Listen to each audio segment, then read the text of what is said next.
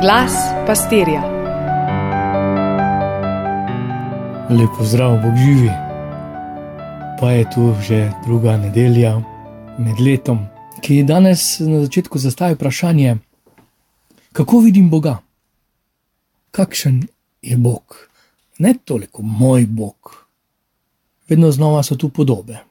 Kot fant sem si ga predstavljal kot neke vrste supermena, pač kot odrasel, da je moder, gotovo oseba, vse ima v svojih rokah.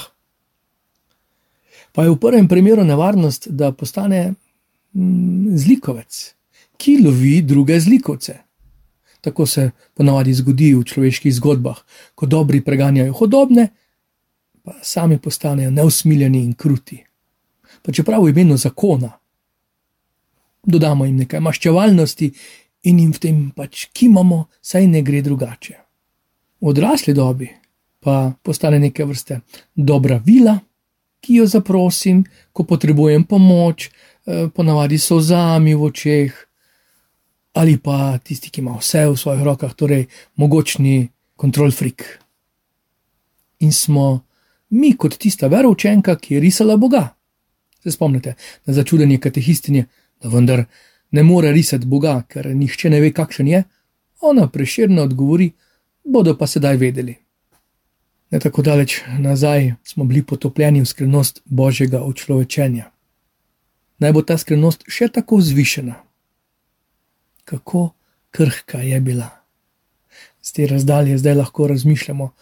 Si predstavljate, da bi sicer šlo vse po načrtih, vse, kakšna malenkost bi šla drugače. Recimo pri Mariji. Marija bi rekla Angelu, kdo kdaj ti moram eh, povedati, eh, ti moram danes odgovoriti, eh, le bom videla, moram premisliti in bi premišljala. Vse bi teklo normalno, tri kralji bi celo prišli do jaslice, ne? tam pa napis: letos jaslice ne obratujejo, remont.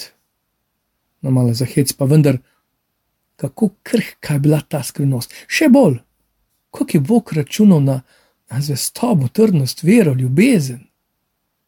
Se ti angel prikaže v sanjah, pa kdo bi lahko Jožefu zameril, če bi se takrat obrnil na bok, na drug bok, pa spal dalje.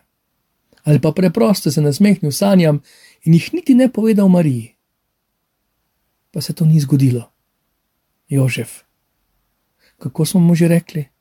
Z nogami trdno na zemlji, srcem pri Bogu. Je celo v sanjah razbral Božji glas. Danes v psalmu uh, molimo, psalm 40. Izpolnjevati tvojo voljo, moj Bog, mi je veselje. Tvoja postava je v mojem srcu, tvoje pravičnosti nisem skrival v svojem srcu. O tvoji zvestobi in pomoči sem govoril. Jožef v sanjah prepozna Božjo pravičnost, Božjo voljo, in jo izpolni. Marija v prikazni prepozna angela, ne blodnje, ne da se jim meša, prepoznala je Boga. In Janes krstnik danes, ko drugi gledajo na svoje stiske ali pa so usmerjeni na tega krstnika, ki jih bo preko pokore pripeljal do osvoboditve, on vidi Jezusa oziroma prepozna Jezusa. Pa rečejo ta shujšan moški, ta učitelj kasneje, ta čudodelnik, kasneje še ta prevarant, ta bogokletnik. Če bi ga ne poznali, bi ga ne križali, pravi Pavel Korinčanom. Janes vidi duha, prepozna obljubo, ki mu je dana, nad kogar boš videl prihajati. Duha, ta je Božji sin. On je. In ne samo, da ga prepozna, zave se eh, tudi njegovega poslanstva. Če bi prišel z ognjenim vozom, ali vesolsko ladjo, če bi se pojavil iz neke druge dimenzije na najveličastnejši, najstrašnejši način. Tudi če bi s tsunamijem zapretil celotni zemlji, bi pač trpetali pred njim in ga častili. Tudi če se želimo takšnih veličastnih potez, so to vendarle poteze diabolosa, ločevalca, ki mu je malo prej Jezus odrekel žezlo. Hudi duh nad njim nima nobene oblasti. Pa kako bi jo imel, kako bi ustvarnina imela besedo nad njim, ki jo je ustvaril. In še, če bi prišel tako, na tak veličasten, mogoč način, veliko bolj bil podoben volku, pred njim se beži, on pa prihaja kot jagnje. Danes ga večina jagneta še ni videla v živo. Vseeno pa vsaj delno lahko razumemo simbol jagneta, ki je nežno, ki je krotko. Vsekakor njem ni nič hudega, ni grdobe. Simbolizira čistost in preprostost. Sem šel malo brskati. V svetem pismu v Stari zavezi je predvsem kot simbol žrtve. Skoraj stokrat je jagnje navedeno, in več kot 80 krat je kot daritev, žrtev.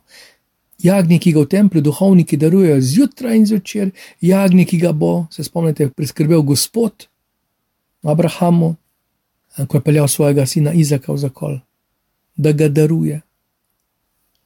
Kako prepoznati v žrtvenem jagnjetu vladarja, sina velikega in mogočnega? Morda pa po besedah Janeza Krstnika, Marija po angelu, Jožef po sanjah, ti pa po preroku, ki pravi: Jaz sem videl in pričujem, da je ta božji sin. Če je Jezus krotak in jagnje, potem je tudi tak podoba očeta. Jabolko ne pade daleč od drevesa. Tako se dogaja skozi vse evangelije in skozi vse življenje. Jagnje na mesto leva, kokoš na mesto orla, otrok kot model nebeškega kraljestva, ščepec kvasa, dva vdovina vnovčiča, gorčično zrno, njegovo umivanje nog, njegova odpoved preobilju, moči, ne duha, ne sluha o supermenu ali zmaju. Bog se ni samo delal majhnega. On je izbral svoj hočem v ljubezni, da je postal otrok, kot otrok pa jagnje, ki spreminja svet volkov, zakone močnejšega, boljšega, uspešnejšega v nebeško kraljestvo.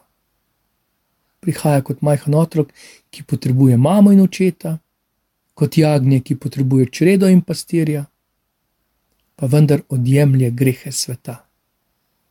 Neverjetno, prinaša ozdravitev, odrešenje. Se vem, da se sliši uh, malo utopično, pa vendar me tako zanima, me, kaj bi se zgodilo, če bi se v svet poklonil temu jagnjetu, Jezusu Kristusu. In kaj meni prepričuje, tudi če se svet ne, da bi se jaz. Zato, Gospod, upam vate, trdno upam vate, ker si slišal moje klice. Tudi če te ne vidim, tudi če te ne prepoznam, prihajam, da izpolnim tvojo voljo z veseljem, Gospod. Moje srce pripada tebi, Gospod. Amen. Tako bodi.